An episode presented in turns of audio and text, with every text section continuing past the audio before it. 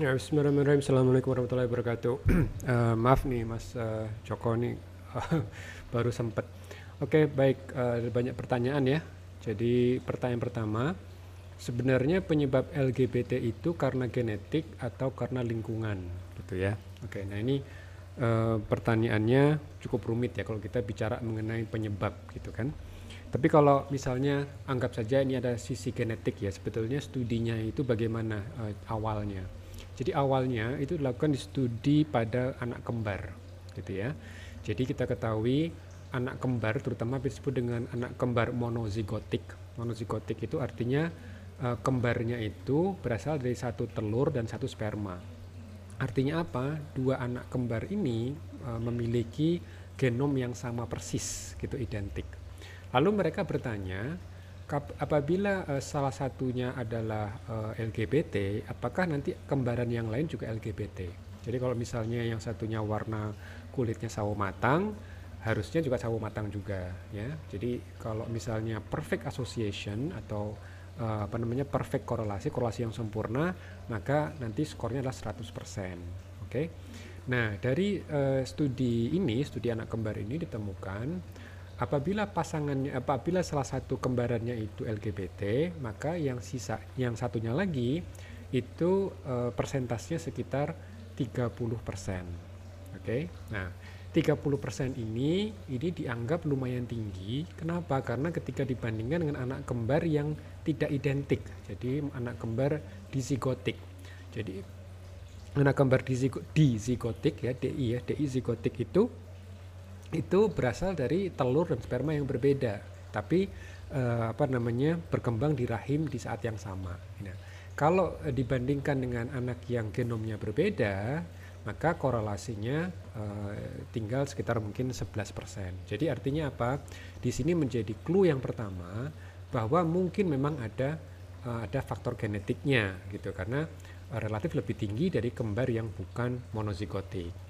Hanya saja dari studi ini mereka tanda kutip menemukan uh, kandidat ya kandidat gen tersebut itu ditemukan di kromosom X. Ya kita ketahui kromosom X itulah salah satu uh, apa kromosom yang menentukan gender ya atau menentukan jenis kelamin. Oke. Okay? Nah, jadi itu studi awalnya ya, studi awalnya. Lalu uh, mereka tetap uh, berusaha mencari, kalaupun itu dari di kromosom X, nama gennya apa gitu. Dan sejauh ini tidak ditemukan gen di kromosom X tersebut gitu. Lalu mereka uh, melakukan studi yang lebih uh, luas lagi dengan melibatkan banyak sekali orang ya, uh, sekitar hampir 500 ribu orang. Nah, studi ini dilakukan dari sampel orang-orang uh, apa Amerika dan Eropa ya. Jadi mereka uh, menarik ini studinya. Jadi uh, fenotip yang mereka ukur adalah fenotip uh, seseorang yang melakukan hubungan seksual sesama jenis ya.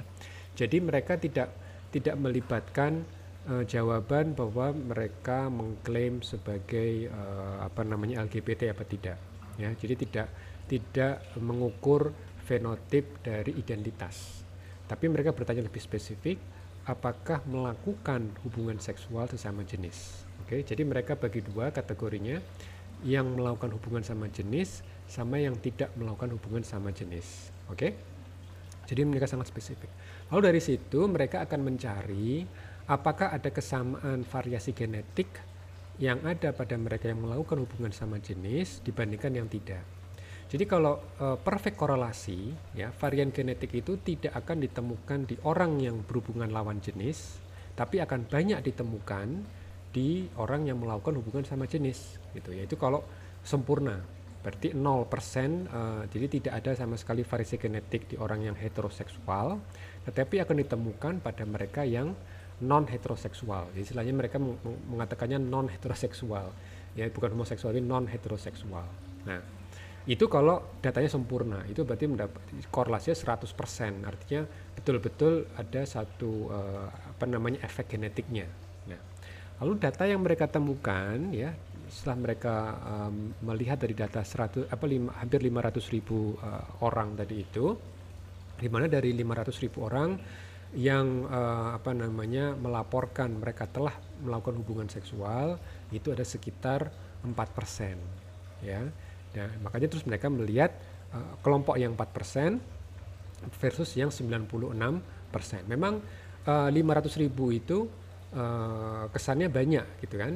Tapi memang dari 500 ribu itu yang melaporkan itu sekitar 4%. Makanya sebagian orang mengatakan apakah perlu diperbanyak gitu ya, perlu diperbanyak. Tapi coba kita lihat datanya seperti apa.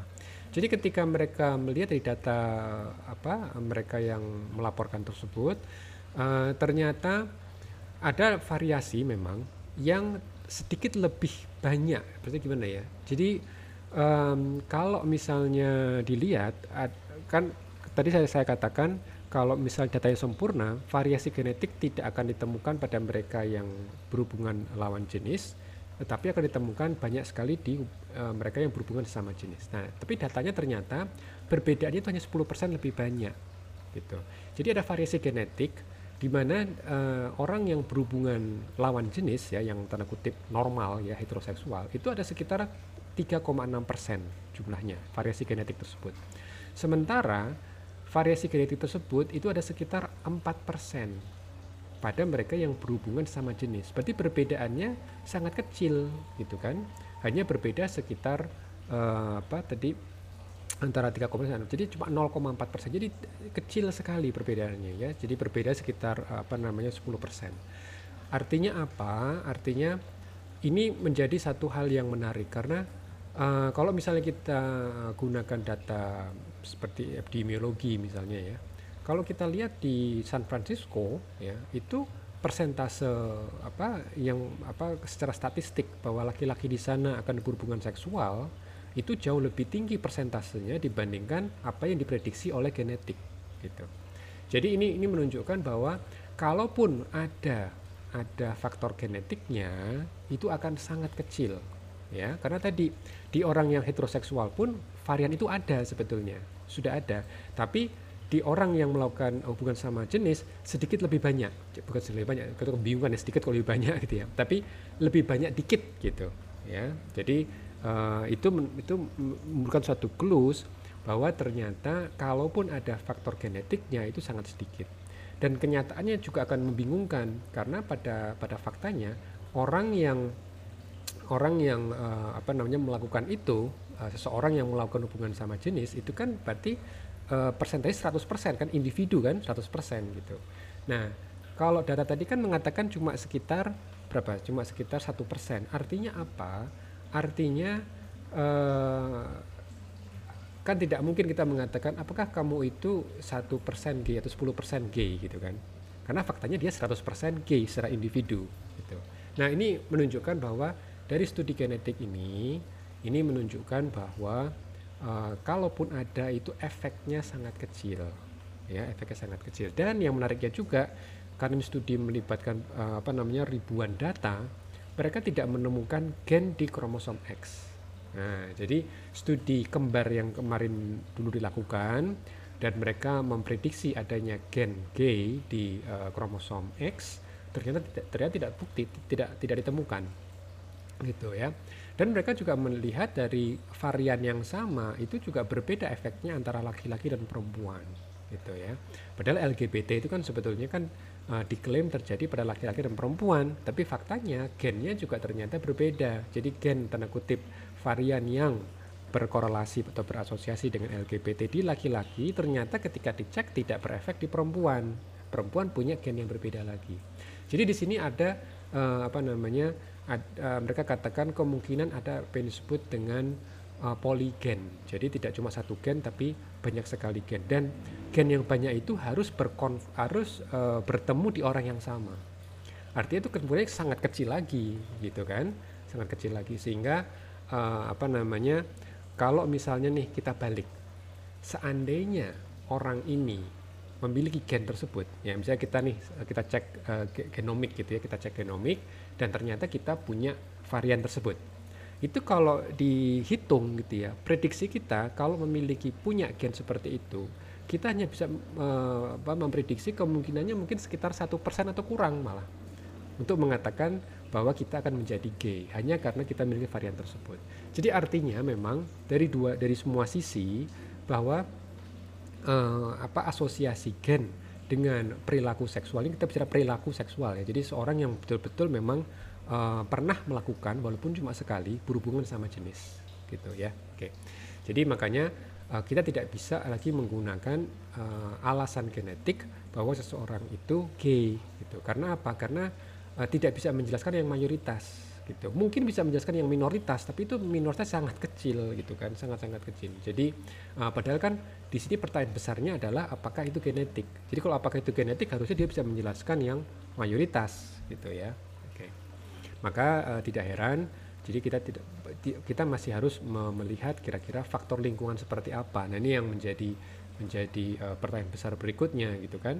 Uh, apakah dari perkembangan atau dari tumbuh kembang ya apakah mungkin ada trauma misalnya nah itu bisa dieksplorasi lebih lanjut gitu ya jadi itu yang apa namanya data yang sejauh ini disimpulkan seperti itu oke okay.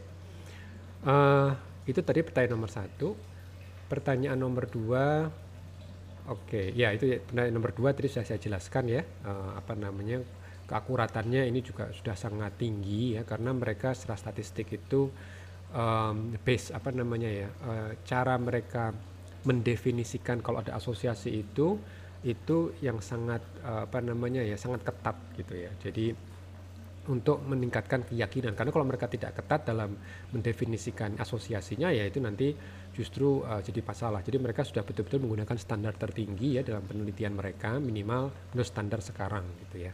Gitu. Jadi uh, pertanyaannya memang apakah nanti kalau misalnya kita apa namanya uh, apa kita jumlahnya semakin banyak akan bisa menemukan? Nah gini. Kalau mis secara secara ini aja secara sederhana ya. Kalau uh, perilaku ya perilaku seksual tadi itu ini kita bicara orang yang bukan punya hasrat ya atau orang yang hanya merasa dia gay. Ini bukan. Ini orang yang memang betul-betul melakukan hubungan sesama jenis. Jadi betul-betul berhubungan seksual oke? Okay?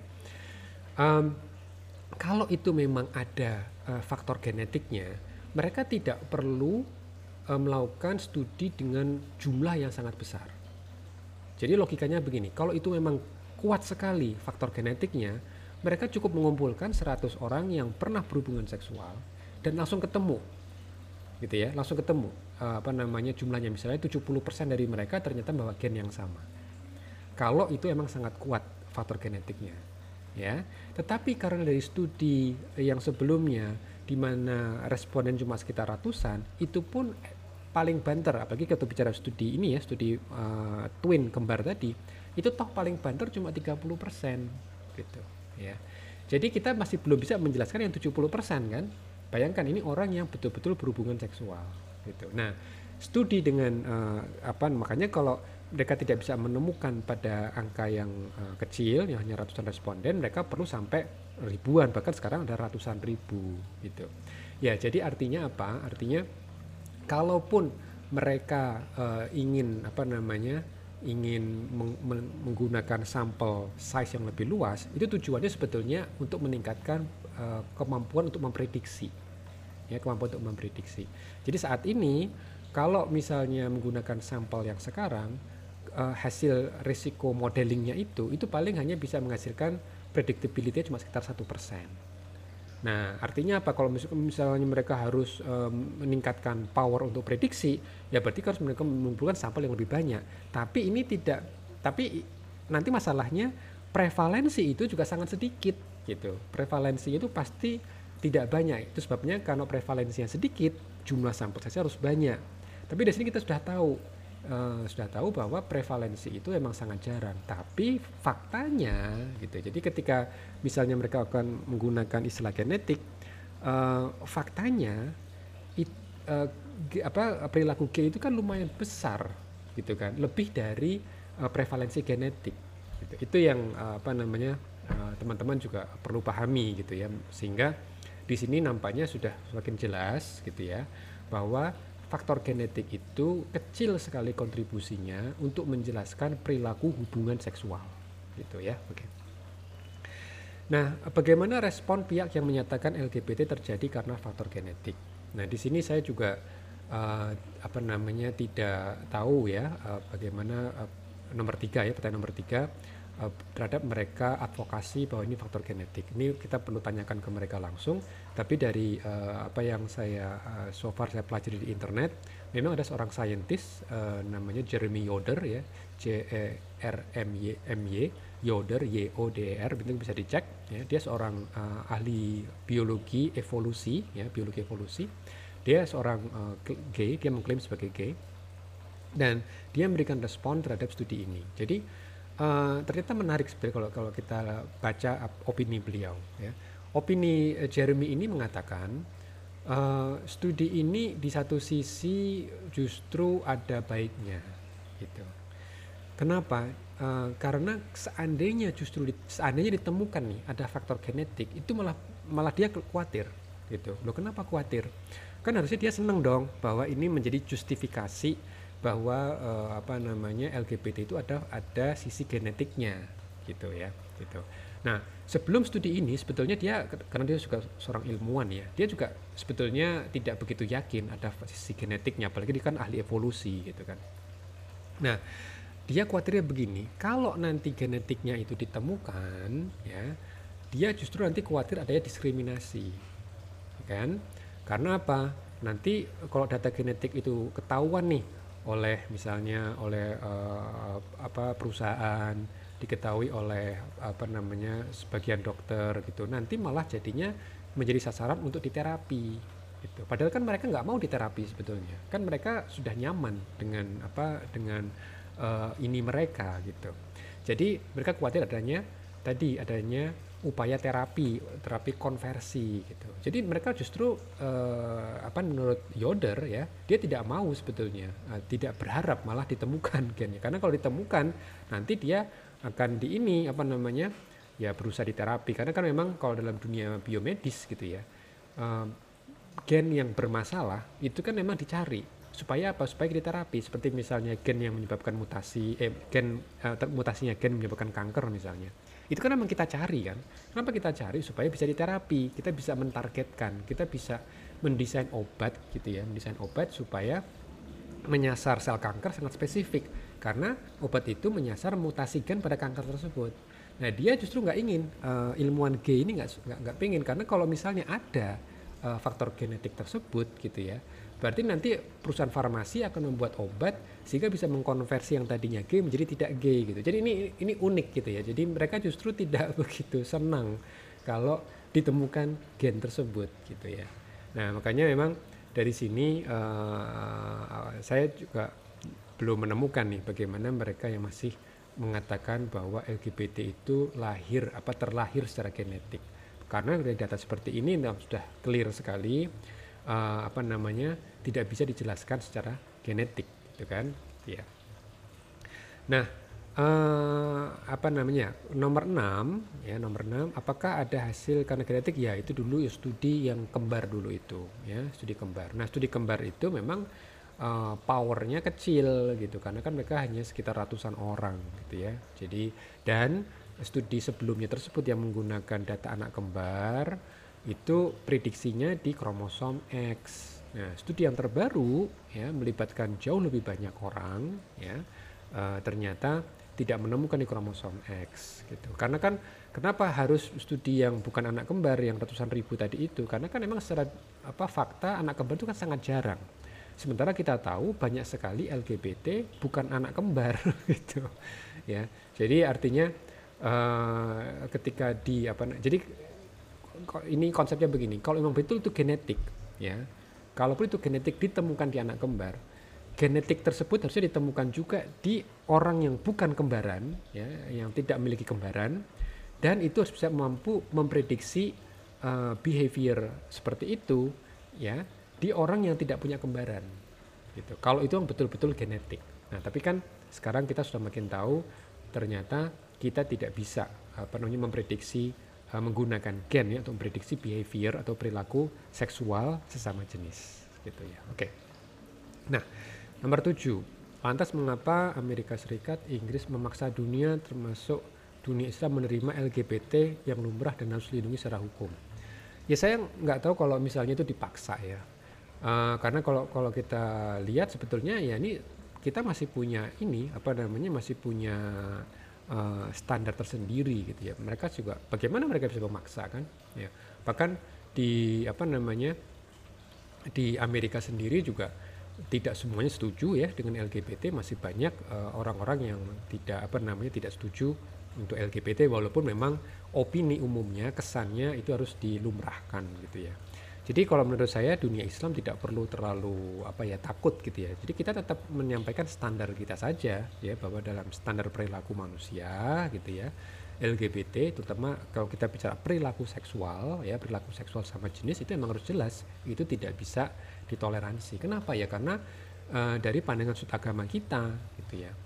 Nah, tapi kalau misalnya emang ada terkesan-kesan ya, terkesan bahwa mereka memaksa kalau kita bicara seperti Amerika atau Inggris, ya mereka kan memiliki pandangan hidup yang berbeda dengan dengan Islam ya. Mereka itu kan pandangan hidup mereka betul-betul apa yang disebut dengan um, apa namanya humanistik sekularisme gitu ya. Jadi mereka beranggap bahwa dunia ini harus dipandang dari sudut pandang sebagai manusia murni gitu ya. Jangan melibatkan apa entitas lain di luar manusia.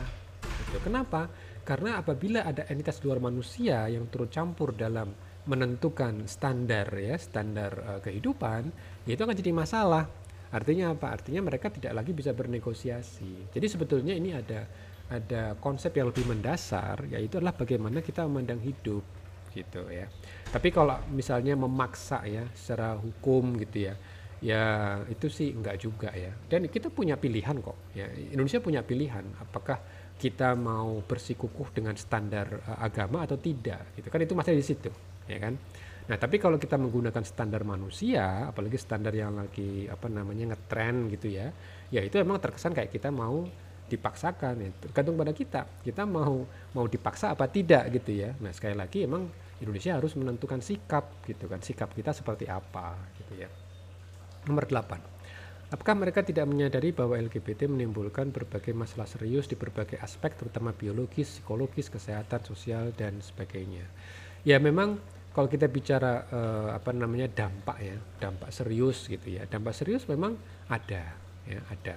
Nah hanya saja yang apa namanya menjadi masalah kan apabila dampaknya itu bisa dimitigasi ya di, dimitigasi apakah itu uh, menjadi boleh karena seperti yang saya cerita tadi ada seorang ilmuwan ya seorang ilmuwan tadi yang namanya Jeremy Yoder dia ilmuwan biologi evolusi ya kan dia menja dia tetap sebagai anggota masyarakat yang produktif dia mengajar, dia memberikan kuliah, dia memberikan seminar, dia juga bikin konten YouTube gitu ya, dan dia juga produktif uh, di masyarakat gitu kan.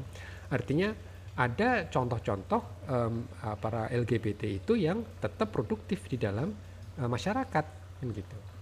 Nah, jadi artinya um, kalaupun ada dampak, itu ada dampak itu jangan menjadi sesuatu yang uh, apa ya, uh, menjadi alasan gitu ya menjadi alasan. Karena kalau itu menjadi alasan sebagai apa namanya ketidaksetujuan terhadap perilaku tersebut nanti kalau kalau dampak itu dihilangkan apakah itu menjadi dibolehkan gitu ya. Memang kita ketahui uh, secara masalah kesehatan ada seperti misalnya risiko munculnya terjadinya uh, infeksi HIV terjadinya penyakit-penyakit kesehatan gitu ya. Kan memang yang kasus monkeypox kemarin itu ya delalah gitu ya itu banyak uh, terjadi ya uh, mayoritas pada mereka yang berhubungan sama jenis gitu. Walaupun kita juga tahu itu juga terjadi pada mereka yang tidak berhubungan sama jenis gitu ya. Nah artinya uh, apa namanya risiko-risiko itu tentu ada gitu ya. Tapi kita juga jangan sampai terjebak gitu ya terjebak bahwa uh, masalah itu adalah uh, dampak itu adalah alasan gitu. Itu lebih ke arah hikmah saja ya hikmah. Nah Uh, nomor 9, apakah mereka tidak menyadari untuk menghilangkan semua masalah tersebut ya tinggal dijauhkan saja masalah LGBT karena jelas bukan karena faktor genetiknya. Ini di sini uh, kembali lagi ke masalah uh, ke standar filosofinya, ya standar filosofi kehidupan yang dianut oleh komunitas, oleh bangsa tersebut gitu. Bagi mereka yang menganut bahwa yang namanya sistem kehidupan, yang namanya kehidupan itu memang perspektifnya adalah manusia, sudut pandangnya adalah manusia, ya buat mereka justru adanya LGBT itu bentuk keragaman gitu ya bentuk keragaman yang harus dihormati dan harus dilindungi karena itu sesuatu sesuatu yang preferensial gitu. Kenapa? Karena mereka tidak melibatkan aspek lain, mereka tidak melibatkan informasi lain tentang LGBT ini gitu ya. Dan ini berbeda dengan standar Islam. Karena kalau kita bicara standar Islam, kita tidak bisa menafikan informasi wahyu, kan itu masalahnya gitu ya. Jadi mereka dalam posisi ya kalau kita menggunakan pemikiran mereka, mereka tidak bisa menggunakan alasan lain gitu. Uh, mereka tidak bisa menerima alasan wahyu. Karena dari awal mereka tidak mau wahyu itu di, di, di apa namanya dilibatkan. Itu yang jadi masalah gitu kan. Sehingga kalau misalnya mereka mau melarang LGBT mereka tidak punya standar filosofi gitu. Justru mereka menjadi inkonsisten kalau kalau mereka itu gitu ya. Jadi adanya genetik apa tidak genetik kalau kita lihat bahkan dari tadi saya sampaikan mengenai mengenai apa namanya uh, penjelasan dari uh, Yoder tadi itu gitu ya.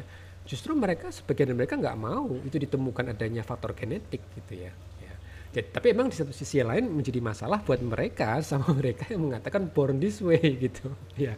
Ya jadi tapi selama itu perspektif manusia itu akan selalu bisa di, di ini kan apa namanya selalu bisa diakomodasi lah berbagai variasi pendapat tadi itu. Karena kan mereka sudah sepakat jangan ikut-ikutkan wahyu itu yang ini bukan mas wahyu ya itu maksudnya wahyu dari langit ya dari Allah subhanahu wa taala dan rasulnya. Nah jadi itu yang apa namanya uh, itu akan bisa ketemu gitu. jadi kita juga jangan berharap bahwa mereka akan istilahnya sadar sendiri gitu ya karena emang ini masalah filosofi. Jadi nomor 10 apa yang buat mereka bersiko menebar LGBT apakah ingin merusak manusia dalam segala aspeknya?